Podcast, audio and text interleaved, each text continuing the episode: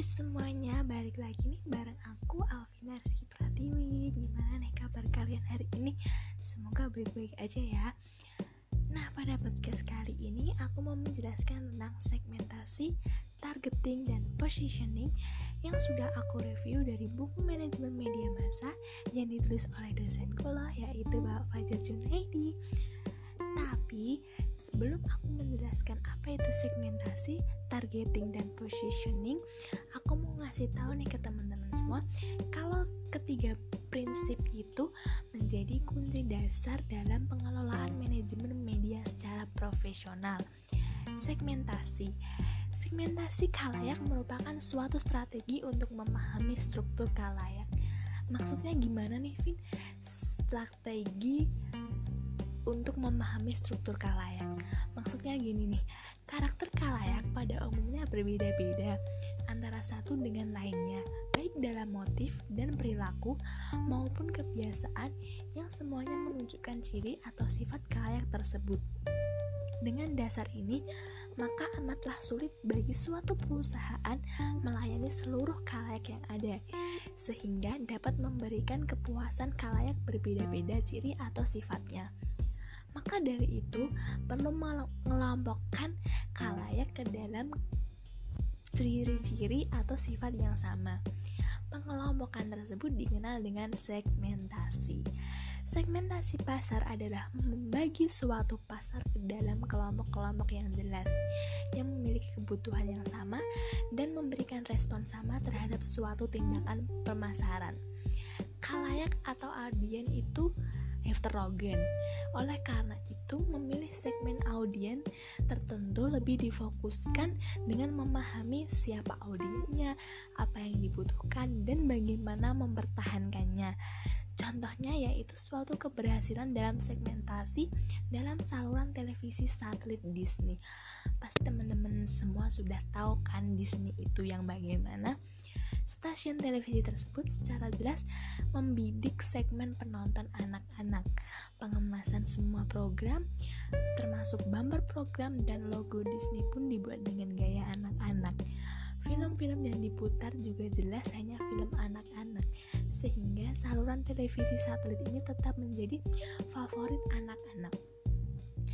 Yang kedua yaitu keberhasilan Jawa Pos dalam manajemen yang berkaitan dengan segmentasi menjadi contoh menarik bagi kajian manajemen media. Keberhasilan rubrik deteksi di Jawa Pos memperlihatkan bahwa usia menjadi aspek penting dalam segmentasi. Ada beberapa pendapat tentang segmentasi berdasarkan usia. Sesuai namanya yaitu demografis. Segmentasi ini didasarkan pada data-data kependudukan seperti usia, jenis kelamin, pekerjaan, suku bangsa, dan lain sebagainya. Segmentasi geografis. Apa sih itu segmentasi geografis? Segmentasi geografis memelihatkan bagaimana orang dari satu daerah akan berbeda dengan orang di daerah lain, bahkan di suatu negara yang sama dalam hal kebutuhan, keinginan, dan konsumsi yang mereka lakukan. Segmentasi kalayak dalam aspek geografis ini bisa didasarkan pada wilayah kota, pinggiran kota, atau pedesaan. Yang kedua yaitu segmentasi sering dilakukan berdasarkan status ekonomi dan sosial. Maksudnya yaitu dari kelompok ekonomi atas, ekonomi menengah, dan ekonomi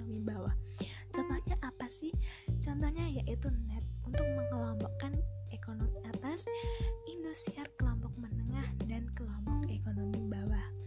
Dalam artian lain, segmentasi pasar merupakan suatu proses suatu pasar untuk membagi-bagi yang heterogen ke dalam kelompok-kelompok pembeli atau konsumen yang memiliki ciri-ciri atau sifat yang homogen dan data berarti bagi perusahaan.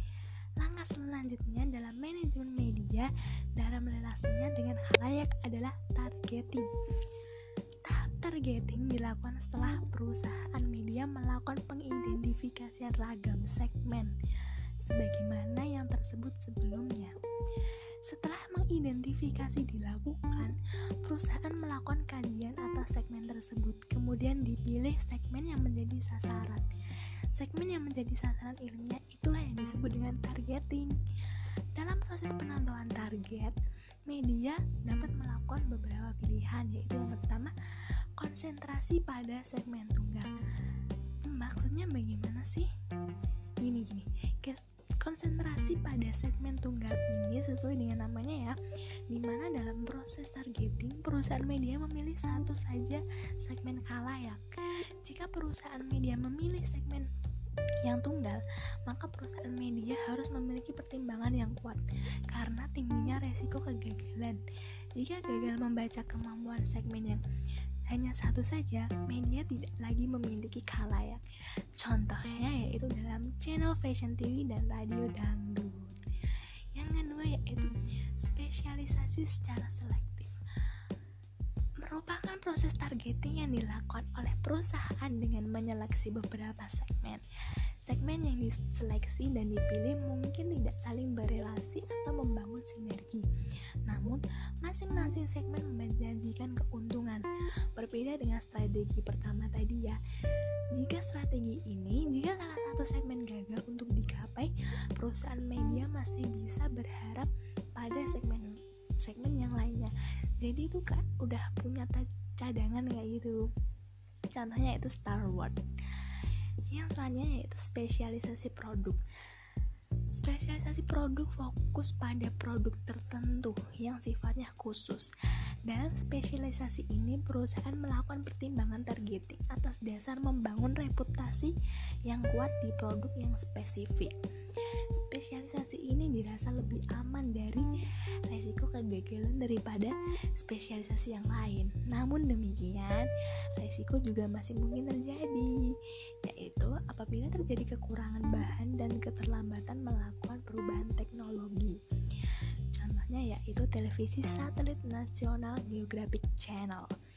Saluran televisi tersebut dikenal luas memiliki reputasi di bidang televisi yang berkaitan dengan alam. Setelah sukses dengan NGC edisi reguler, perusahaan media ini meluncurkan kanal baru bernama NGC WIT yang produk tayangannya lebih berfokus pada alam liar. Selanjutnya itu apalagi sih yaitu ada spesialisasi market spesialisasi market target yang dilakukan dengan proses di mana perusahaan berkonsentrasi melayani kebutuhan dalam kelompok segmen tersebut. Pertimbangan pasar yang kuat menjadi alasan dalam targeting yang didasarkan pada spesialisasi market. Namun juga masih memiliki resiko, tapi resikonya itu lebih kecil dibandingkan segmentasi yang lainnya karena pasar yang sudah kuat namun, resiko bisa muncul ketika pasar tersebut mengurangi konsumsinya. Sebagai contoh adalah majalah yang ditunjukkan untuk penggemar sepak bola. Yang selanjutnya yaitu jangkauan semua pasar. Nah, sesuai namanya nih ya teman-teman. Targeting ini dilakukan dengan berusaha semua segmentasi yang ada resiko kegagalan pada satu segmen bisa cepat diganti dengan segmen yang lainnya banyak media yang bermain pada model ini sebagai contohnya yaitu televisi di Indonesia yang mayoritasnya berusaha menyasar semua khalayak. Setelah memilih-milih sasarannya, maka proses selanjutnya yaitu positioning. Sebelum aku membahas tentang positioning, di mana targeting juga memiliki resiko-resiko kegagalan. Meskipun resiko kegagalan tersebut lebih kecil maupun lebih besar di mana ya seperti itu tadi lah uh, setiap setiap target pasti ada kegagalannya pasti ada resiko kegagalannya yang selanjutnya yaitu positioning. Positioning adalah gambaran atau deskripsi tentang brand di benak audiens. Brand ini bisa berupa stasiun radio televisi format acara yang disiarkan. Positioning pada dasarnya adalah suatu strategi untuk memasuki jendela otak konsumen. Ini maksudnya gimana nih? Maksudnya yaitu positioning bukanlah strategi produk, tetapi strategi komunikasi yang berhubungan dengan bagaimana pendengar atau konsumen menempatkan produk yang ditawarkan di dalam otaknya. Contohnya yaitu MTV adalah stasiun musik. Setelah memahami tentang segmentasi, targeting, dan positioning, selanjutnya yaitu dalam kegiatan programming. Yang penting adalah tujuan dari programming yang disusun. Penyiaran radio memiliki target yang spesifik. Kita bisa menjumpai radio yang memiliki segmentasi anak muda seperti Radio Prambors dan kaum eksekutif dan pembisnis seperti Radio Sindo Trijaya yang memiliki jaringan radio nasional. Di tingkat lokal, segmentasi radio semakin spesifik seperti radio GCD GCD di Yogyakarta yang khusus memutar lagu sampur sari dan dangdut. Selanjutnya yaitu formatting. Format musik adalah format yang paling mudah ditemui di berbagai stasiun radio swasta komersial. Yang dua yaitu format informasi yang dapat dibagi menjadi dua yaitu format didominasi berita dan format didominasi oleh dialog dan selanjutnya yaitu format khusus yaitu format khusus bisa ditemui pada stasiun radio yang ditujukan pada segmen tertentu berdasarkan etnis atau agama. Dalam manajemen media penyiaran yang dikelola secara modern, persoalan tentang bagaimana programming dan formatting stasiun radio tidak bisa dilepaskan dari aspek lain yaitu segmentasi dan targeting khalayak. Demikian penjelasan mengenai segmentasi, targeting, dan position. Terima kasih telah mendengarkan episode pada minggu ini.